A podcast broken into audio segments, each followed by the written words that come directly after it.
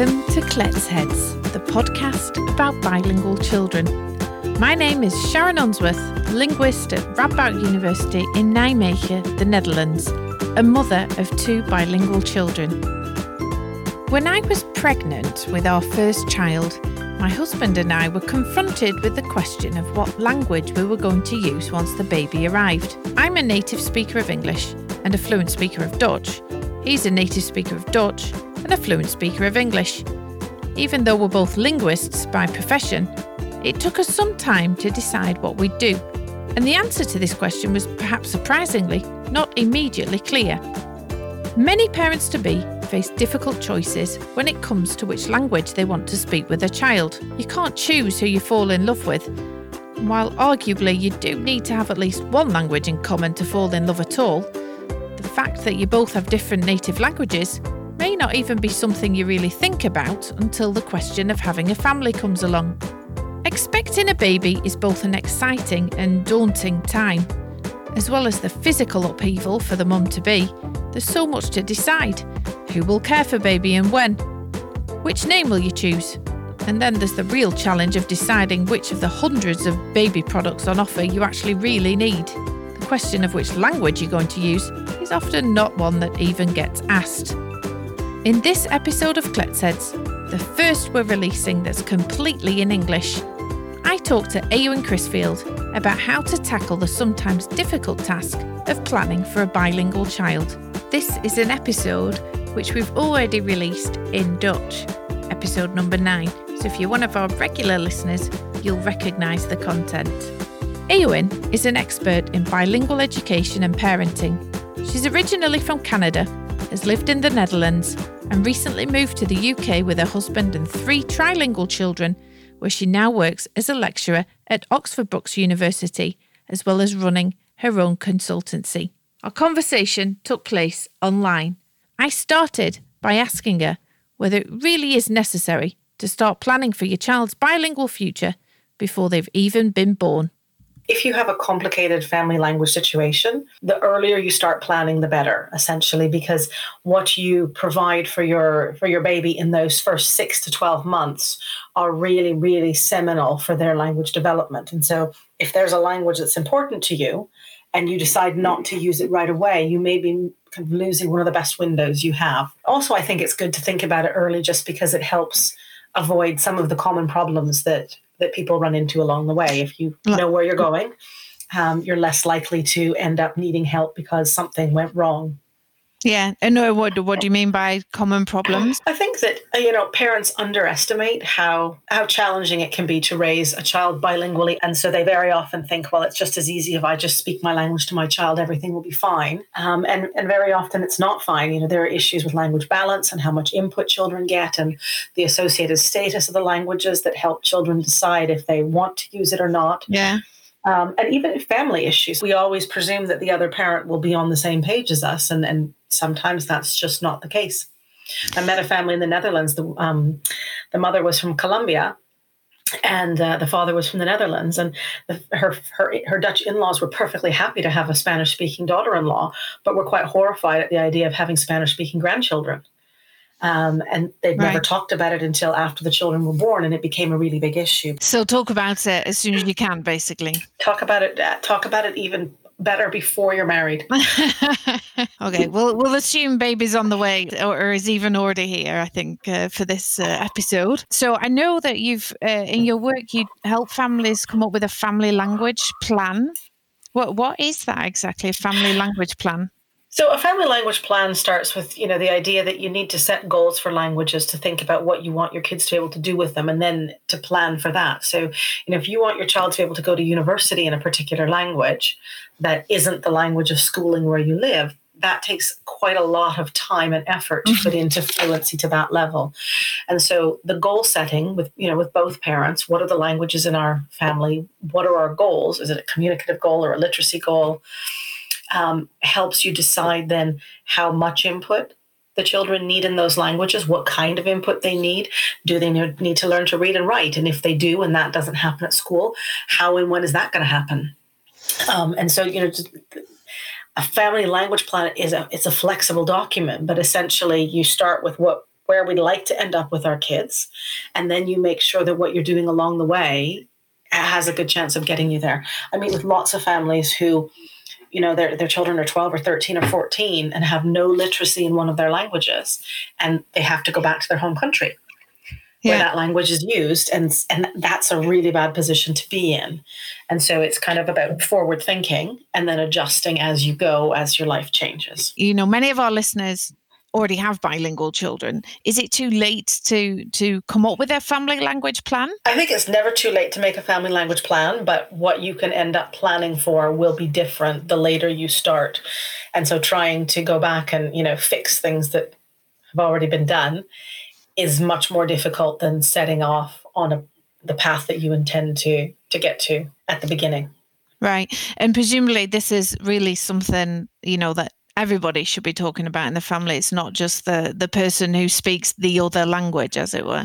No, certainly not. A, a family language plan is a collaborative it's a collaborative document between both parents and both parents have to be aware of and having conversations with other people who are involved in their family language plan and also with the children who are also right. involved in the family language plan.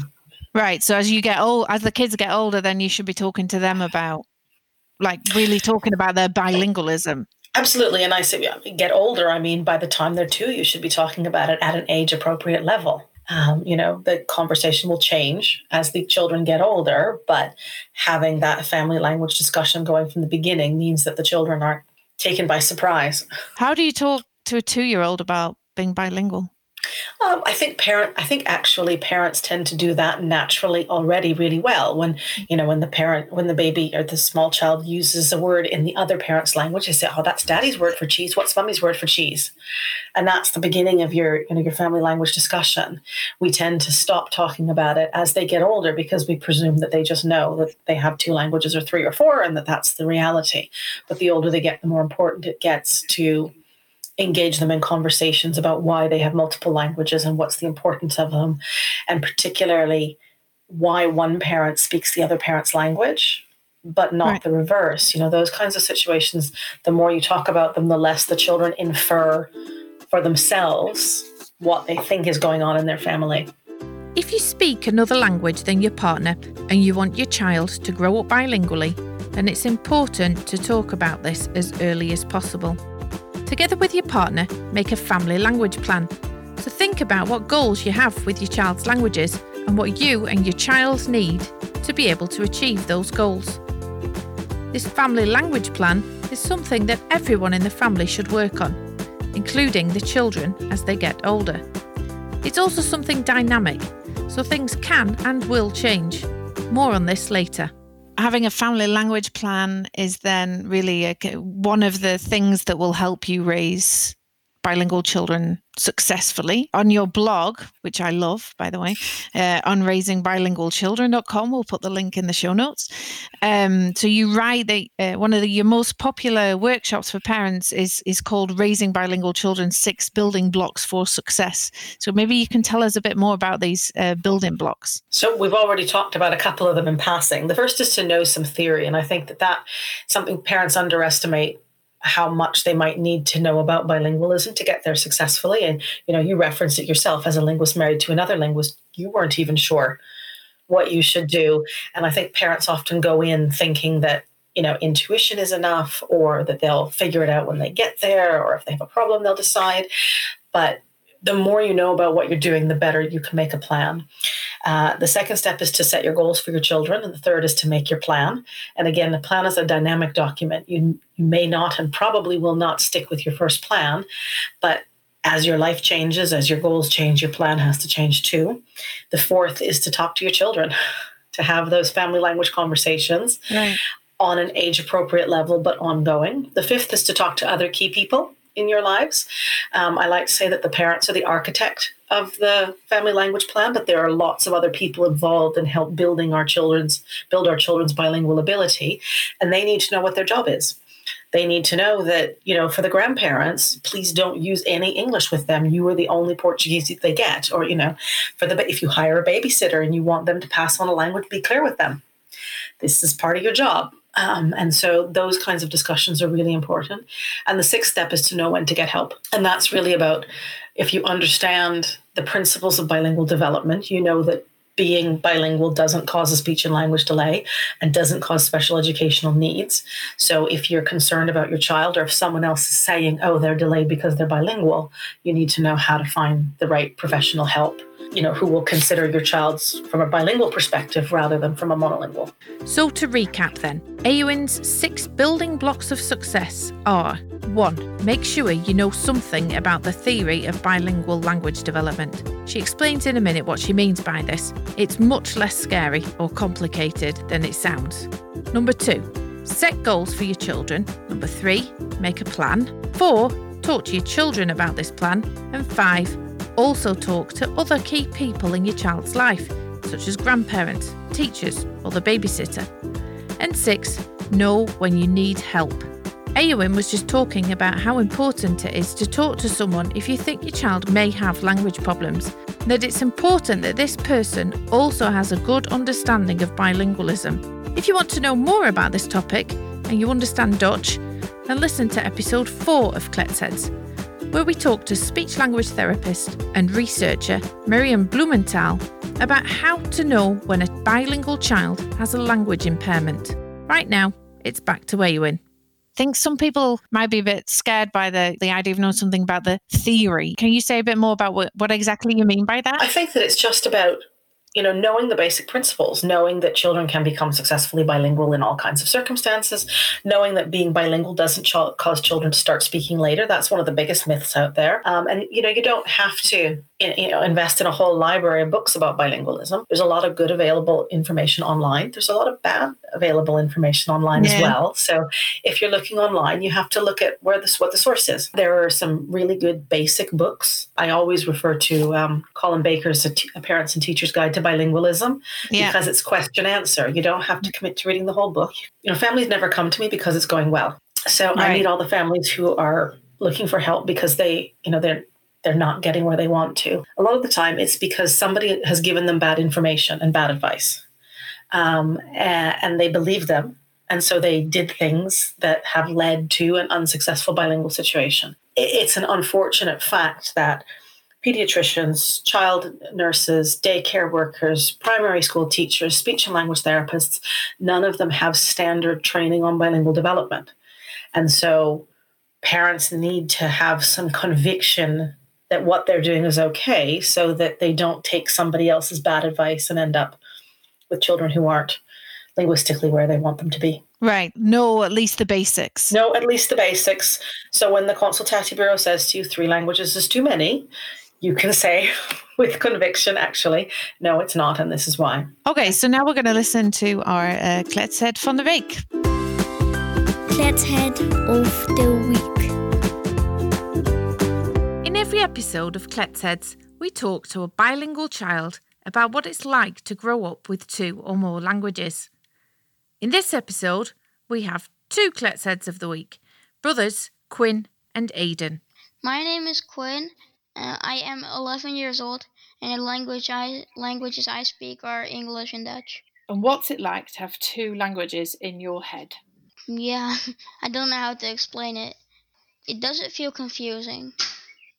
It does or it doesn't? Does not. Does not. Oh, that's good. Because it would be horrible to be confused all the time, wouldn't it? Yeah. Yeah. And what do you what do you like about it being bilingual? Um. Well, at school, that most assignments you don't need to make, and uh, English, and when I go to America, I can speak the language there. And do you go to America often? Uh, once a year. Are there things that are less nice about being bilingual? What's the worst thing about it? No, not not any things are bad actually. Everything is no? good. That's good to hear. And when you're uh, older, what languages do you think you'll be able to speak then? French, German, English, and Dutch, I think. Would you like to learn other languages?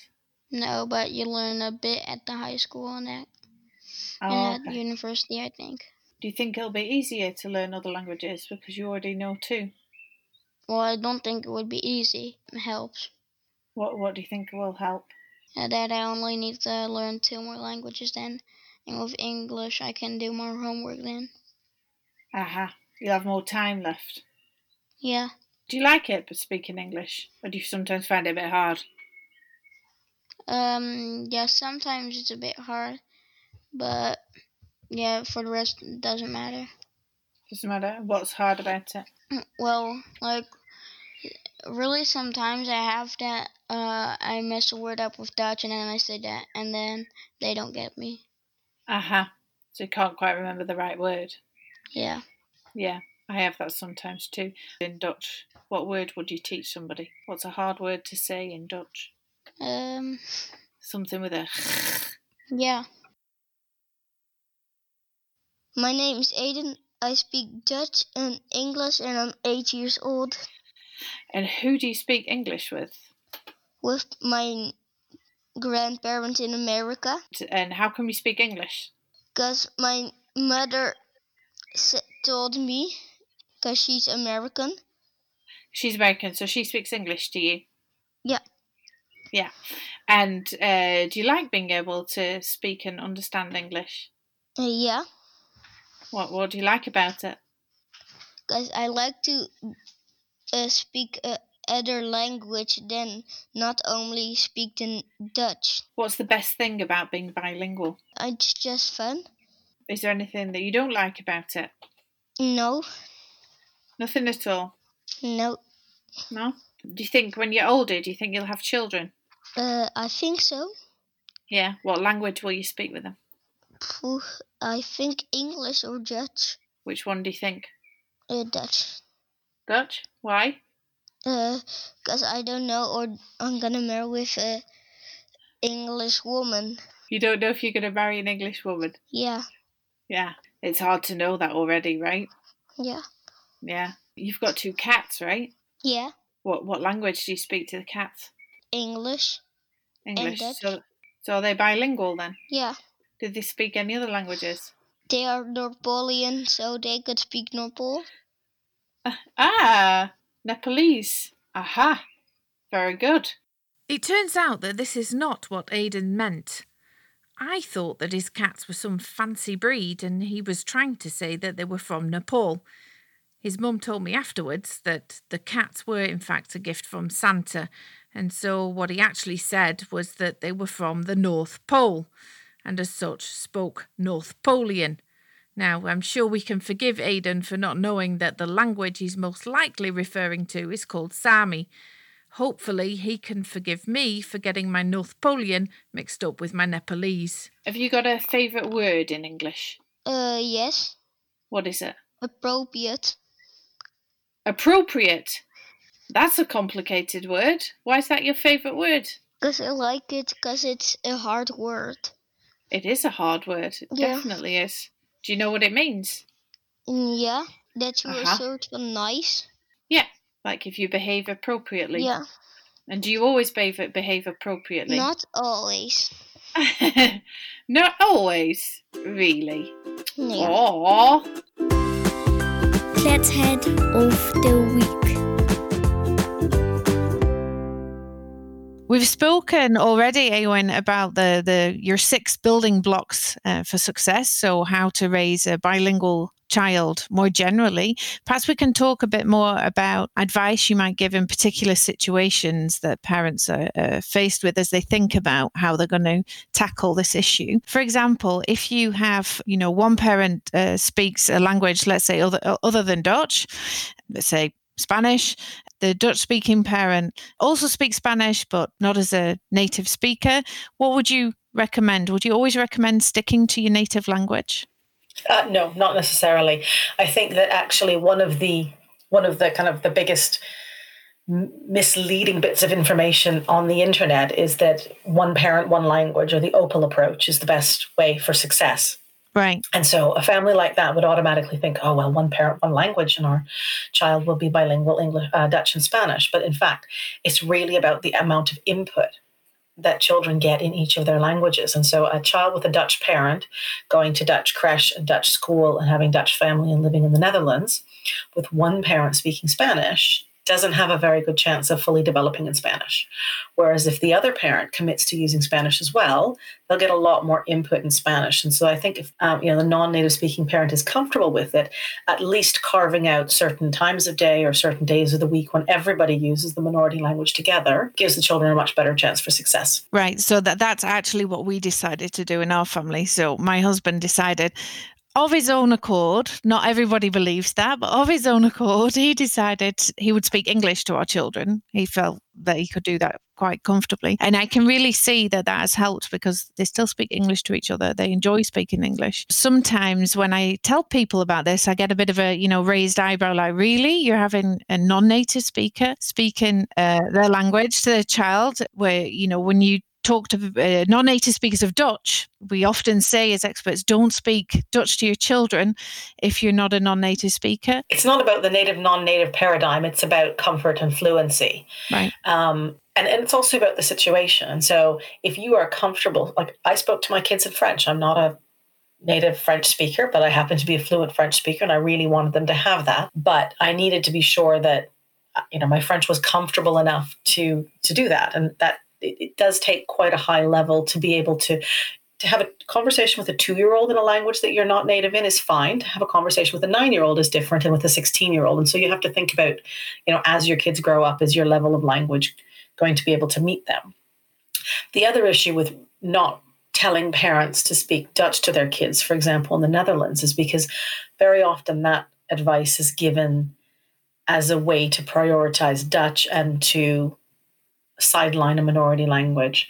And so it's also about again always it always goes back to input. If you speaking dutch with your children means they don't get enough input in english then that's not the right thing to do.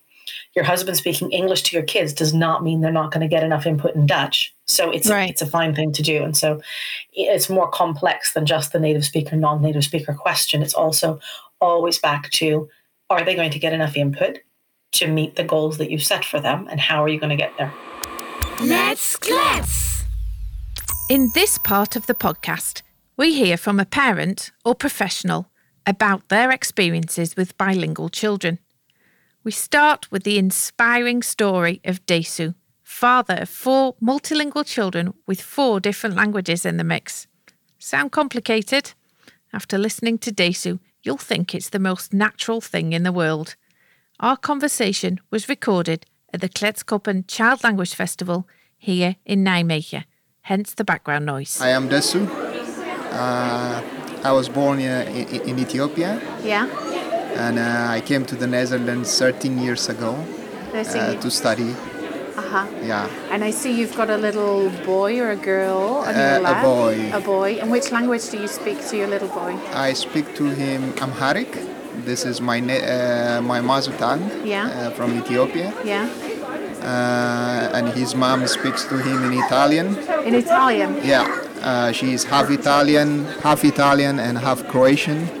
Oh wow. Yeah, So so he hears Italian from her and Amharic from you. yes. And which language do you speak to each other? Uh, we speak English to each other. Right. And he has two brothers, half brothers. Yeah. Uh, they speak also Dutch, Okay. uh, so they speak to him in Dutch. One of them speak to him in Dutch, the other one speak to him in Italian.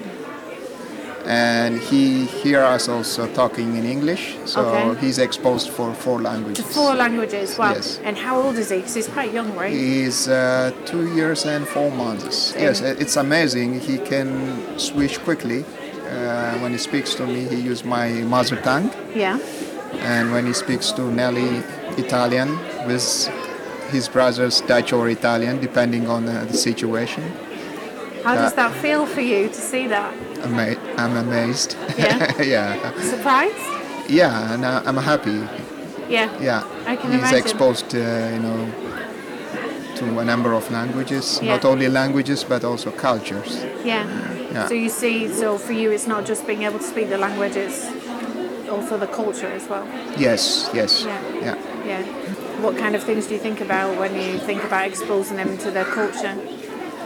Yeah, for me, uh, especially uh, with Nelly, we decided to speak our own uh, mother tongue to the children because we uh, understood uh, getting emotionally connected is most important than Uh-huh. teaching them, you know, the grammar or the vocabulary of a language.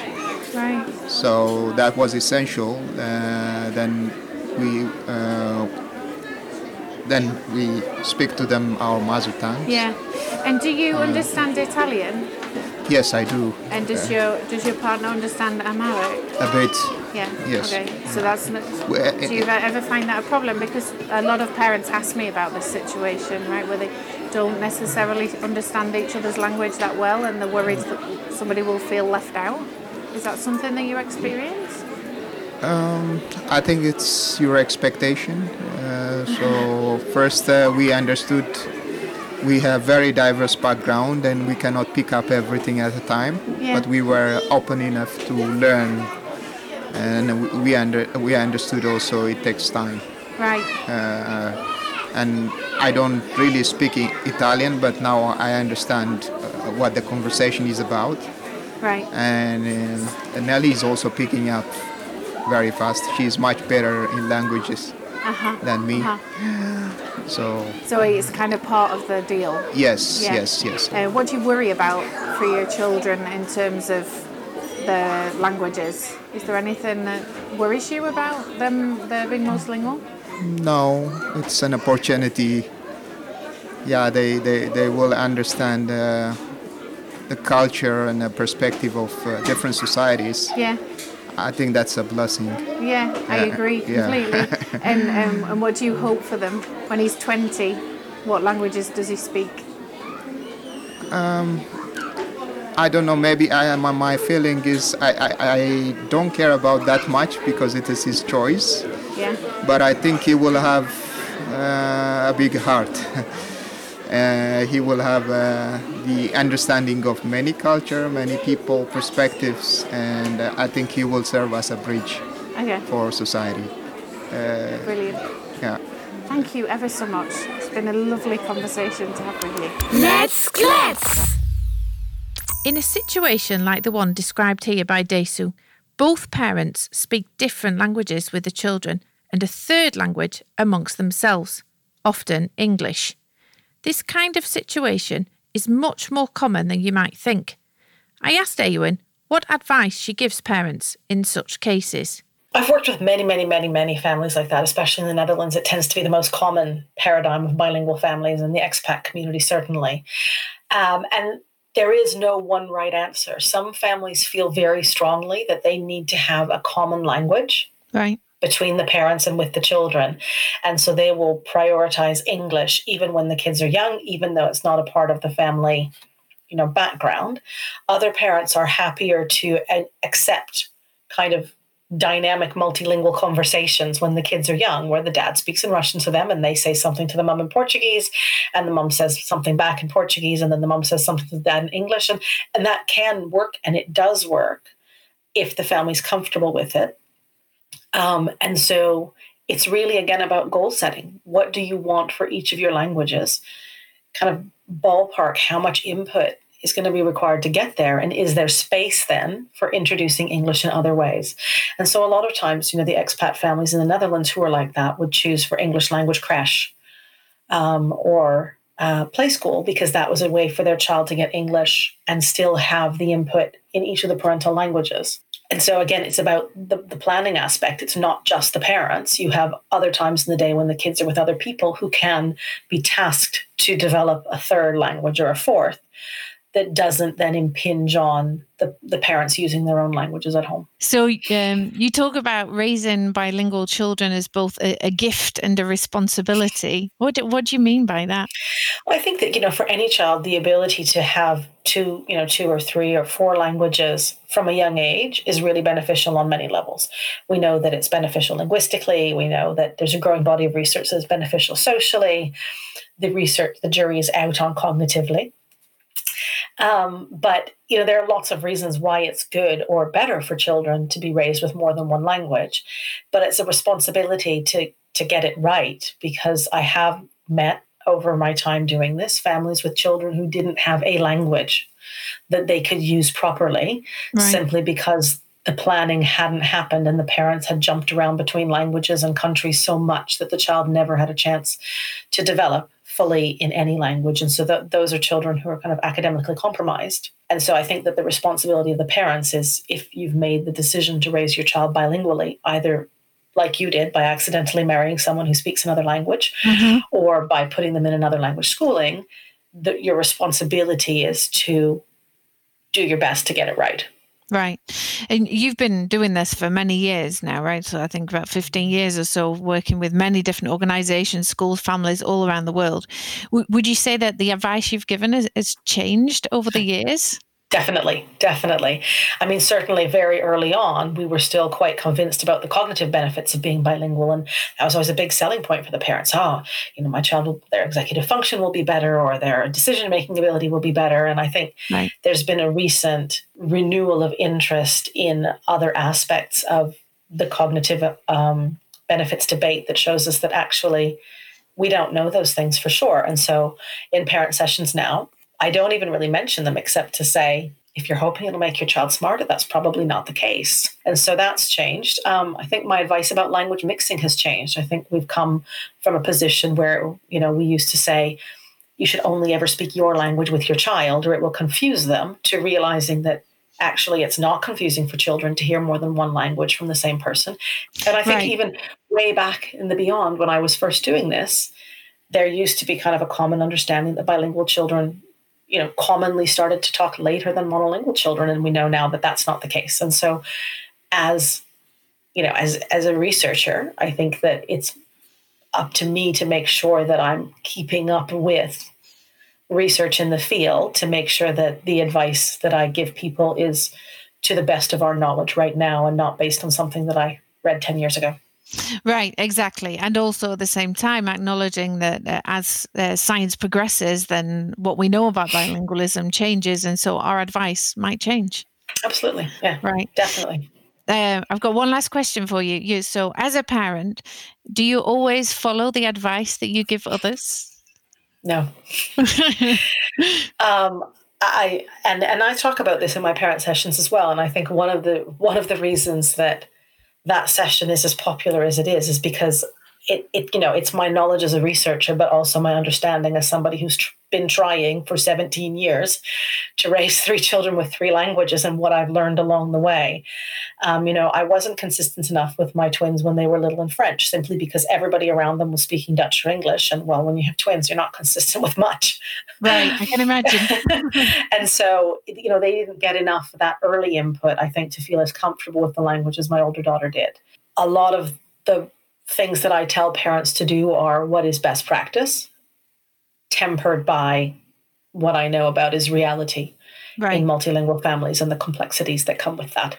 Right. Is there anything that you wish you'd done differently? Oh boy. uh, I do wish I'd been more consistent in my use of French with my twins. Um, they struggle with me using French with them now just because it's not as natural for them. Right. Um, and so if I could turn the clock back uh, and and pay more attention to that, I probably would. But at the time, with so much going on with three young kids and no family and nobody else speaking French around, it was a fairly easy thing to let go of. Um, and we also made different educational decisions for them. My older daughter went to the French school almost to the end of primary. And so she is also, you know, beautifully balanced for what that means bilingual. Um, but the school that they were at, I knew would not be a good fit for my twins educationally and so I moved them to an English language school after three years in French. It was the right choice for them in terms of, you know, so many other things. And so I think sometimes as parents, we need to recognize that our children's bilingualism isn't the only thing that we're planning for. It's one of the things. And that if there's a conflict between their well being and their languages, we need to look at that critically and make the right decision for the child rather than for our own personal aspirations for them in terms of language. If you want to know more about Kletsheads, go to our website at www.kletsheadspodcast.nl. That's where you'll also find more information about this episode. If you want to make sure you don't miss any more episodes that we release in English, or if you understand Dutch, you want to hear more, subscribe to Kletsheads using your favourite podcast app. Thanks for listening and tot het volgende keer.